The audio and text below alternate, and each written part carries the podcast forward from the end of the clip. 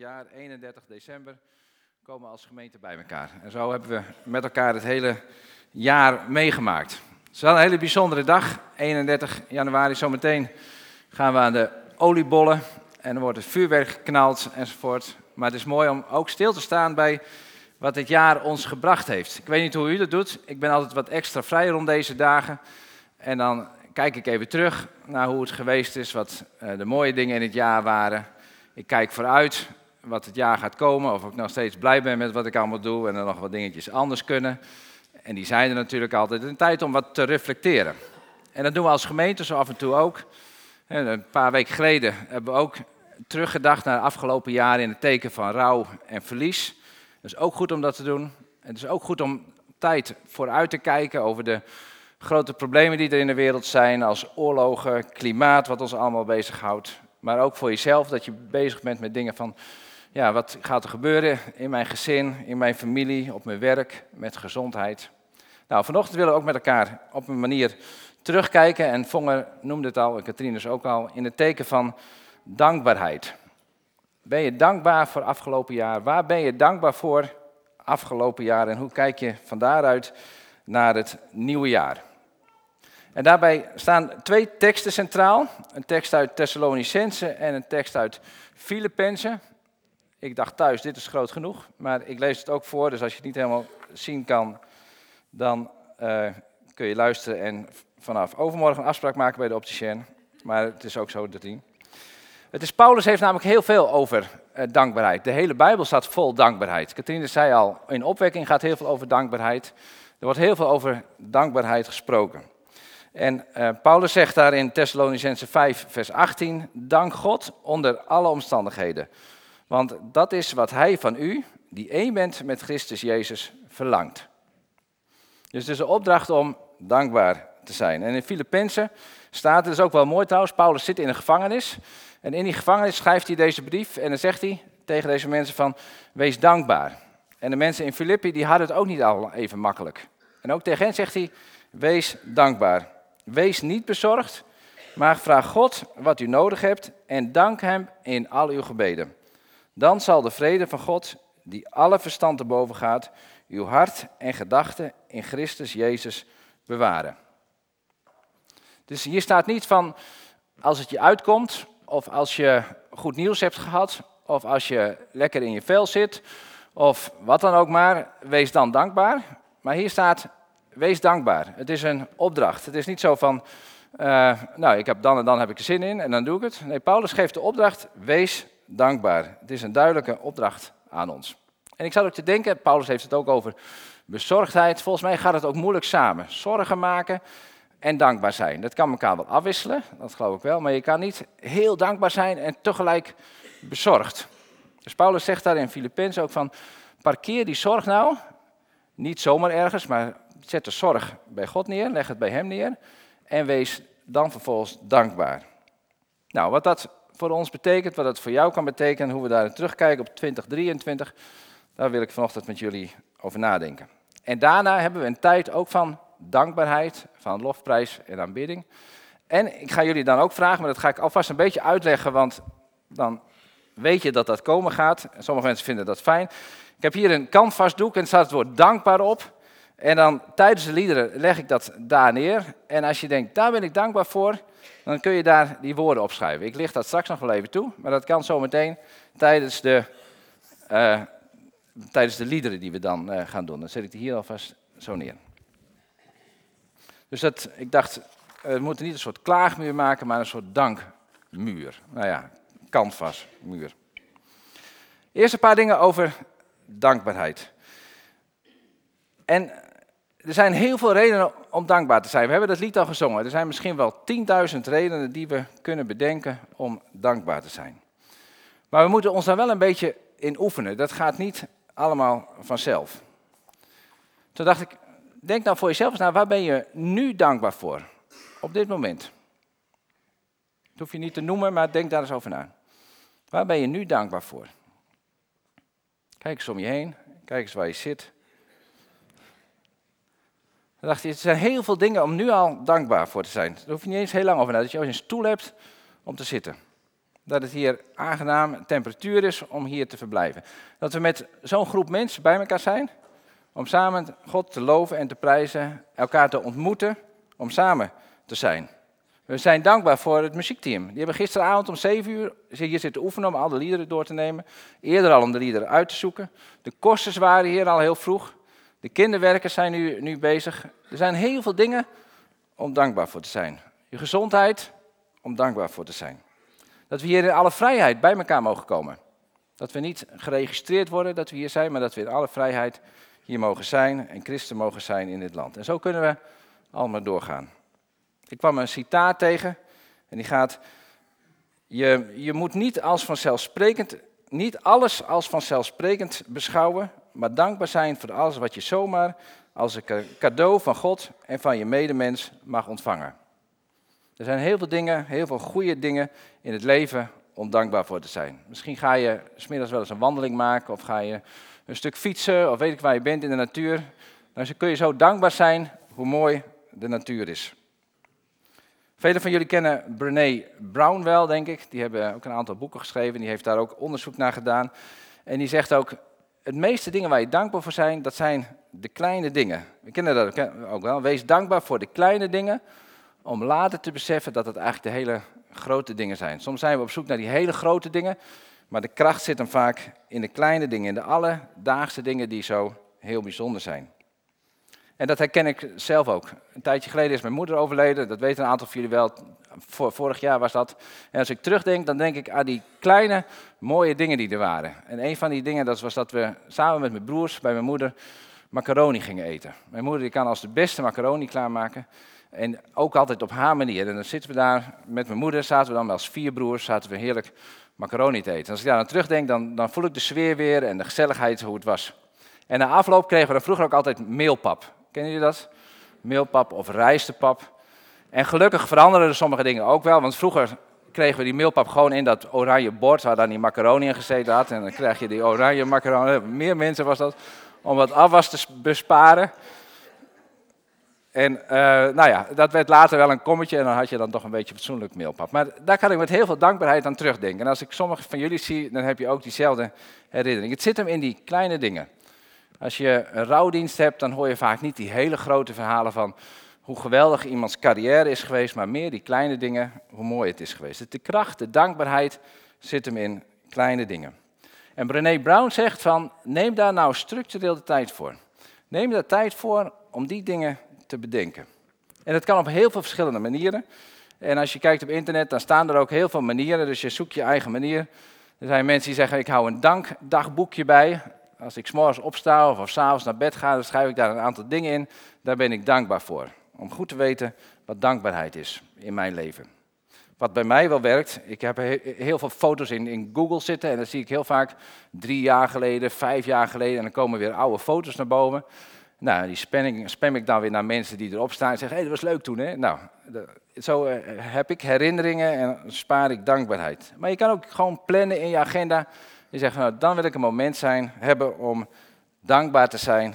En dan stuur ik misschien mensen ook eens een kaartje of een mailtje, een appje, dat je zo dankbaar voor hen bent. De kerken hebben dat ook. Af en toe, hè, dat er tijd is van dankbaarheid.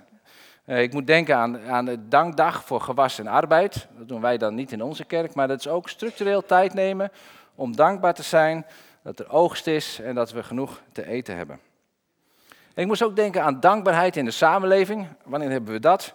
Nou, ook op heel veel momenten. Maar ik moest denken aan de tijd van corona. Dat er een nationaal applaus was voor uh, de mensen die in de zorg werkten. Dat er dankbaarheid was vanuit de samenleving naar al die zorgmedewerkers die dag en nacht paraat stonden om de crisis van corona op te vangen.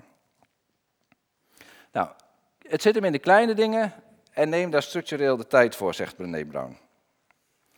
Maar het is tegelijk, en daarom is het ook goed om het structureel te doen, ook wel heel moeilijk om dankbaar te zijn. Of eigenlijk is het best moeilijk om die tijd te nemen en te beseffen dat je dankbaar bent.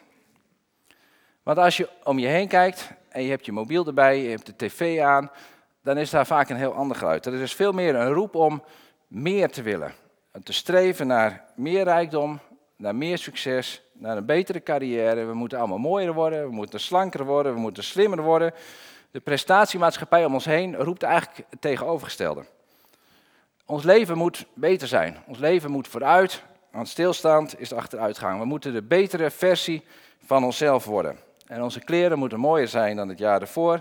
Ons huis moet beter, onze auto moet sneller. En eigenlijk worden we op die manier heel makkelijk afgeleid van het feit om gewoon dankbaar te zijn met wat we hebben. En ik las in een magazine van psychologie, want als je het hebt over dankbaarheid, nou dan vind je heel veel ten aanzien van psychologie in deze wereld en daar kunnen we ook heel veel leren. Er is heel veel onderzoek naar gedaan ook. En daar staat, we worden van de doelen die horen bij de prestatiesamenleving, zoals rijkdom, professioneel succes en populariteit, daar worden we niet gelukkig van, zeggen psychologen.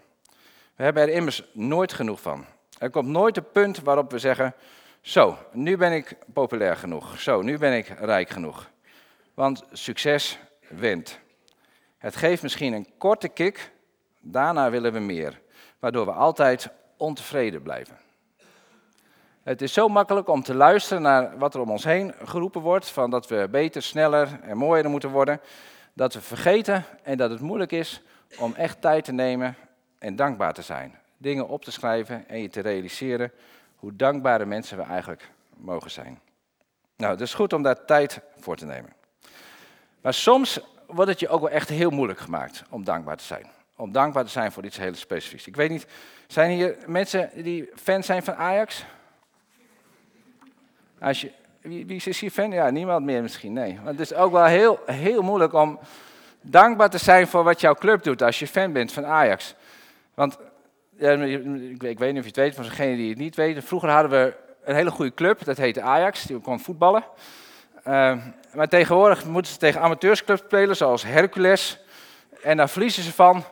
En dan, uh, uh, ja, en dan gaat de beker aan hun neus voorbij. Dus dan, voor soms is het wel heel moeilijk om dankbaar te zijn. Maar ook daarin geloof ik dat je dankbaar kan zijn. Al was het alleen maar voor het verleden van Ajax. Nou, dat ter intermezzo. Wat is nou het effect van dankbaarheid?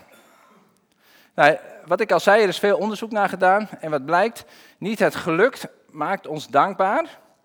Dus als je wacht op geluk, dat je dan denkt, oké, dan worden we dankbaar. Nee, maar dankbaarheid maakt ons gelukkig. Dus het begint bij dankbaarheid en van dankbaarheid blijkt dat je daar gelukkig van wordt. Hebben ze onderzocht. Dan vind ik dat altijd wel leuk dat ze dat onderzocht hebben en dat doet mij ook heel goed, want dan denk ik, ja, dat is dus zo. Maar we hebben net een tekst gelezen in de Filippenzen en daar stond het eigenlijk al lang. Waarin Paulus zegt, als je zorgen hebt, breng die zorgen bij God, wees dankbaar en wat gebeurt er dan? Dan zal de vrede van God, die wij met geen mogelijkheid kunnen begrijpen, jullie hart en jullie gedachten beschermen in Jezus Christus. Dus Paulus wist het al lang, in de Bijbel staat het eigenlijk al heel lang, dat als je gelukkig bent, dat je dan de vrede van God kan ervaren. Dat je dan gelukkig wordt. En die vrede van God, dat woord wat daar staat, stamt af van het woord shalom, wat veel mensen ook wel kennen. Het mooiste wat je mensen kan toewensen. En dat is dat je iemand diepe vrede toewenst. Iemand innerlijke rust, harmonie toewenst, dat hij gewoon innerlijk helemaal tot zijn doel komt. En niet alleen voor iemand alleen, maar ook tussen mensen en tussen God en mensen. Dus als we dat, die zorgen even parkeren, of eigenlijk bij God brengen, en dankbaar worden, dan staat er in deze tekst, dan zullen we de vrede van God ervaren. En dan is het zijn hart die ons vult. Zijn liefde die ons vult. Is ook wel heel mooi, want het woord dankzegging, ben ik even aan het uitzoeken geweest, dat staat het woord Eucharistia. En waar denk ik dan aan? Aan de Rooms-Katholieke Eucharistie vieren. En wat is dat? Dat is het avondmaal vieren. Dus het avondmaal is ook het avondmaal van de dankbaarheid. En we lezen dan ook wel, in de nacht waarin Jezus werd uitgeleverd, nam hij een brood, hij sprak het dankgebed uit. En daar staat ook dat woord Eucharistie, Eucharistia. Dus Jezus dankt en dan breekt hij het brood en zegt, dat is mijn lichaam. Hij dankt voor wat hem zelf overkomt, dat zijn hele lichaam, dat zijn lichaam gebroken wordt. En dat is mooi, dus als we met elkaar die Eucharistie vieren, dat avondmaal vieren, dat avondmaal, dat maaltijd van dankbaarheid, dan zullen we zijn shalom en zijn vrede in ons leven ervaren. Hoe mooi is dat? En daarmee is dankbaarheid meer dan een lijstje van op te noemen. Uh, van een, lijstje van, van, van dankbaarheid. Je kan heel makkelijk een lijstje maken, of heel makkelijk, daar moet je dan de tijd van nemen. En zeggen, oké, dat zijn mijn dankpunten. Maar wat zou het mooi zijn, en daarom is dit plaatje, dat die dankpunten niet alleen in ons hoofd blijven, maar dat die dankpunten ook zakken naar ons hart en in ons hele lijf gaan zitten. Want dankbaarheid is niet alleen maar iets van het hoofd, maar dankbaarheid is iets van je hele lichaam. En zo is het namelijk ook met zorgen. Je herkent dat misschien wel, ik hoop het niet, maar ik vermoed, de kans is heel groot dat je af en toe echt wel zorgen aan je hoofd hebt. Dat heb je aan je hoofd, maar dan merk je dat het ook in je lijf gaat zitten. Ik merk dan dat ik s'avonds wat minder slaap en dat ik zorgen heb en dat ik s'morgens vroeg wakker word en dat ik daar doorheen ga malen. En soms ontstaat er dan ook nog stress in je leven, dus het gaat in je lijf zitten, die zorgen. En het omgekeerde werkt met dankbaarheid ook. Als het in je hoofd zit, dan zakt het ook door en dan mag het ook zakken. Die ruimte kan je het ook geven om het in je lijf te laten zakken. Dat het in je hart komt en dat het in je hele lijf komt, dat je hele lichaam vol dankbaarheid komt. En misschien slaap je daar wel wat minder, juist van dankbaarheid, maar dat geeft een heel ander gevoel dan de zorgen zijn. En zo kun je genieten met je hele lichaam van, van dingen die je overkomen. Ik moest zelf even aan denken, waar geniet ik nou van? Ik geniet van een heleboel dingen, moet ik zeggen. Maar wat ik dan wel heerlijk vind, is dat ik, als ik een dag vrij ben, dan sport ik morgens even een tijdje. En dan kom ik goed bezweet thuis en dan ga ik heerlijk douchen. En dan hoop ik heel vaak dat de zon schijnt. En in deze tijd is dat een beetje lastig, maar als het voorjaar weer komt en we hebben 22, 21 december gehad, dus we gaan de goede kant weer uit, dan komt die eerste zon weer en dan zet ik een bakje koffie en dan zit ik daar in de koffie in de zon, zo heerlijk te genieten. En dan ben ik dankbaar voor alles wat er is. En dan geniet mijn hele lichaam mee van, van die dankbaarheid. Nou, ik hoop dat jullie die momenten van dankbaarheid ook kennen. Ik zie een aantal mensen knikken. Ieder op zijn eigen manier, dat je gewoon met je hele lijf dankbaar bent. Nou, in de Filipijnse brief, in die tekst die we hebben gehad, daar staat eigenlijk van, zorg nou dat die, zorg nou, nou, let erop dat die zorgen voor jou niet in de weg komen te staan voor die dankbaarheid. Dus breng de zorgen bij God, maar wees dankbaar, wees dankbaar. Een tijdje geleden heeft Wilma gesproken over het verhaal van de zaaier. Dat kan je ook nog terugluisteren. Luisteren. En een van die uh, zaadjes waardoor die niet tot volle bloei komt, dat is omdat er doren en distels komen boven dat wat ontkiemd is. En dan staat er, dat zijn de zorgen van deze wereld. Dat zijn de zorgen die we hebben. Dus als we in de zorgen blijven hangen en niet dankbaar zijn, de zorgen zorgen ervoor dat we niet groeien in relatie met God. Dat het stopt. En dankbaarheid is het tegenovergestelde. Juist door dankbaarheid kunnen we groeien naar God toe en krijgen we ja, groeien in die relatie met God. Ik kwam een paar uitspraken tegen van Wilking van der Kamp over dankbaarheid. Dat zijn er vier die ik graag met u wil delen, omdat er volgens mij heel veel waarheid in zit. Dankbaarheid opent de deur van je hart om Gods tegenwoordigheid te ervaren. Dus als we dankbaar zijn, dan gaat ons hart open en dan merken we dat God er is. Als we zometeen de tijd van dankbaarheid nemen en we gaan zingen en je kiest ervoor om dankbaar te zijn, dan open je je hart en dan kun je Gods tegenwoordigheid ervaren. Dankbaarheid open je ogen voor de, handen, voor de hand van God die je leidt. Als je dankbaar bent, dan zie je, God leidt ons. Ik moest denken aan het lied van tel je zegeningen, één voor één. Dat zijn ook je dankpunten die je mag hebben. Tel ze alle, noem ze één voor één. En je ziet Gods liefde dan door alles heen. Maar dan moet je ze wel eerst tellen. Dan moet je ze opschrijven misschien en dan moet je ze gaan realiseren. En als je dan terugkijkt naar al die dankpunten en al die dingen die je hebt opgeschreven, dan zie je dat Gods liefde daar doorheen is. Dat zijn hand er is en dat Hij je door het leven leidt. Dankbaarheid vergroot je vertrouwen in God, die doet wat Hij heeft beloofd. Als we altijd maar vooruit blijven kijken en denken van hoe komt het eigenlijk allemaal, maar vergeten achterom te kijken voor wat God eigenlijk gedaan heeft, dan missen we misschien wel wat Hij uiteindelijk allemaal gedaan heeft. En dankbaarheid verruimt je hart om meer van God te ontvangen. Maar als je denkt, ik heb niet zoveel met Wilkin van de Kamp, dan heb je misschien wel iets met Psalm 50, dacht ik. Dus ik denk, ik zal er ook een Bijbeltekst uh, bij doen.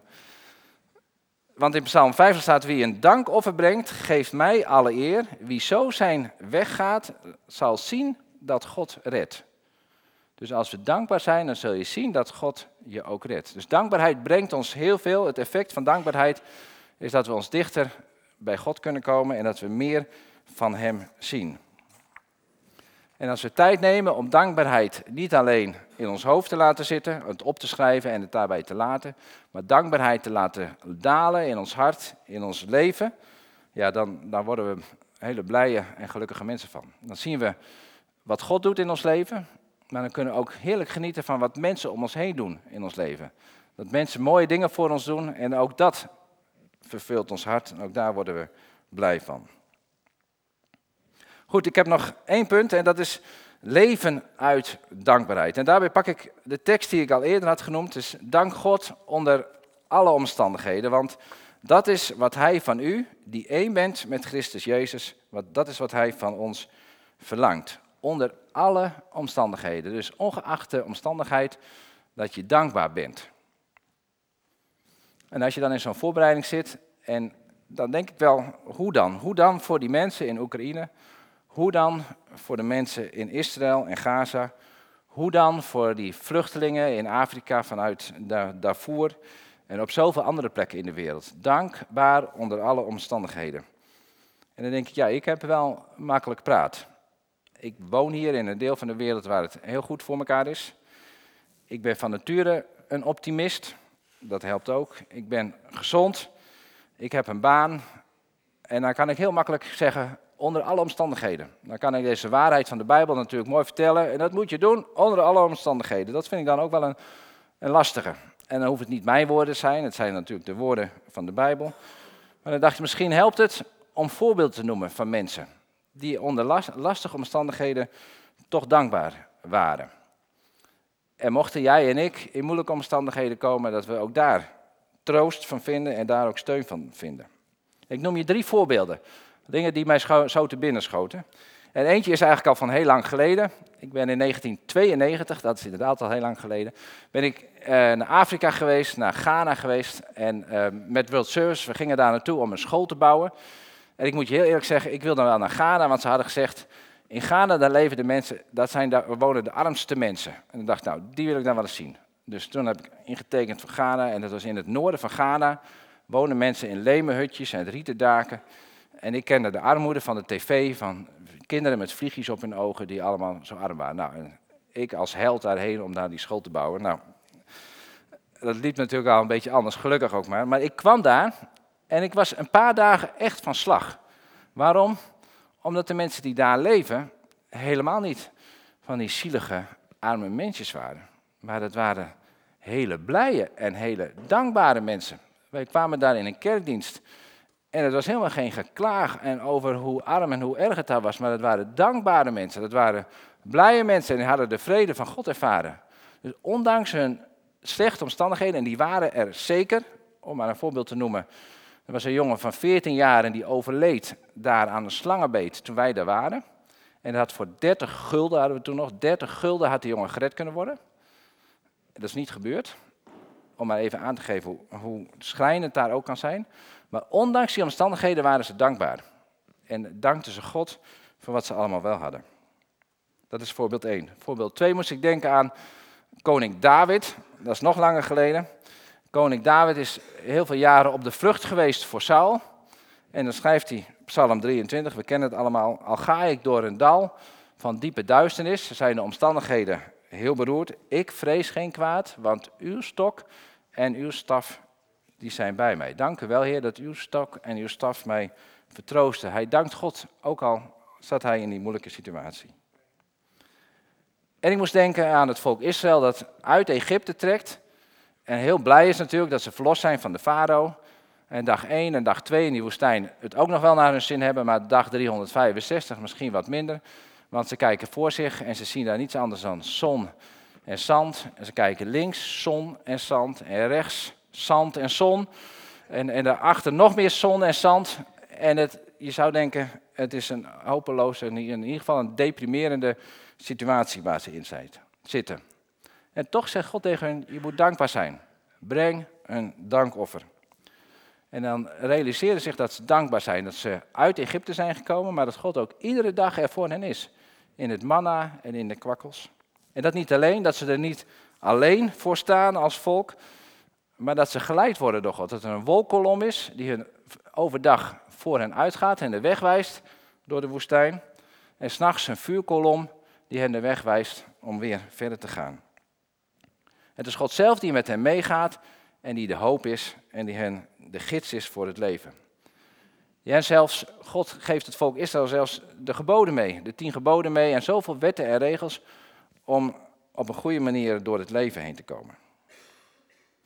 Israël, David en de mensen in Ghana waar ik aan moest denken, ondanks hun beroerde omstandigheden hadden zij redenen om dankbaar te zijn, omdat God er was. God was bij hen. Hij wees hen de weg door de woestijn, door de moeilijke tijden heen. En ik denk dat is ook goed nieuws voor jou en voor mij als we in een hele beroerde situatie komen. Dan is het Gods geest die in ons woont, die ons de weg wijst en die ons uh, leert om de volgende stap te zetten in het leven, ondanks de situaties. Dus als we in omstandigheden zijn waarbij we niet van buitenaf redenen hebben om dankbaar te zijn, dan kunnen we toch dankbaar zijn, want God is bij ons. God leidt ons en God wijst ons de weg. Dus we kunnen een levenshouding hebben van dankbaarheid. We kunnen, zoals het hier zo mooi staat, dankbaar door dit eh, leven gaan.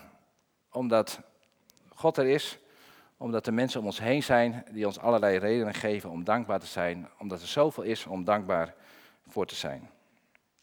Goed, conclusie. Trek ik het even samen in een paar zinnen. Wees dankbaar. Wees dankbaar, ook al heb je er even geen zin in, maar wees dankbaar zoals je ook elke dag brood eet en water drinkt en genoeg lichaamsbeweging moet hebben. Zorg ervoor dat je ook momenten van dankbaarheid hebt. En neem de tijd om eens terug te kijken dit jaar naar de dingen waar je dankbaar voor bent. Maak structureel tijd vrij om te beseffen waar je dankbaar voor bent. En laat het niet alleen in je hoofd zitten, maar geniet ook van dankbaarheid. En besef dat er niets is wat dankbaarheid in de weg hoeft te staan. Dat er heel veel in de weg kan staan om dankbaar te zijn, maar dat er niets in de weg hoeft te staan. En dankbaarheid levert je de vrede van God op. Dus het is zo mooi om dankbaar te zijn, want je leeft in zijn vrede. Of om het met een aantal psychologische termen te zeggen, of in gewoon Nederland zou je kunnen zeggen, je wordt er gewoon gelukkig van. Je wordt er blij van en gelukkig van, dus het levert altijd iets op. Zullen we met elkaar bidden? Heer, dank u wel dat u onze God bent. Dank u wel dat u met ons meegaat, dwars door dit leven heen. Dat u er afgelopen jaren bij was. Heer, dat we misschien niet alles gekregen hebben wat we wilden hebben, maar dat u wel in elke situatie er bent om ons te troosten, om ons de weg te wijzen, om samen met ons misschien ook wel gewoon stil te zijn. Heer, dank u wel dat we dankbaar mogen zijn en dat we, zoals vanochtend ook mochten leren, dat als we dankbaar zijn, dat we uw vrede mogen ervaren. Heer, en zo bid ik ook dat we als gemeente en ieder persoonlijk mogen leren om steeds weer die dankbare dingen om ons heen te zien. Daar notie van te hebben, dat te beseffen en dat ons tot ons door te laten dringen. Dat, ja, hoe mooi het is om dankbaar te zijn. Heer, ik wil bidden dat we dat het komende jaar ook meenemen. En uh, ja, daar langzamerhand ook in groeien. Zodat we ook steeds meer de zegeningen van u zullen gaan ervaren in ons leven. Dat bidden we in Jezus' naam. Amen.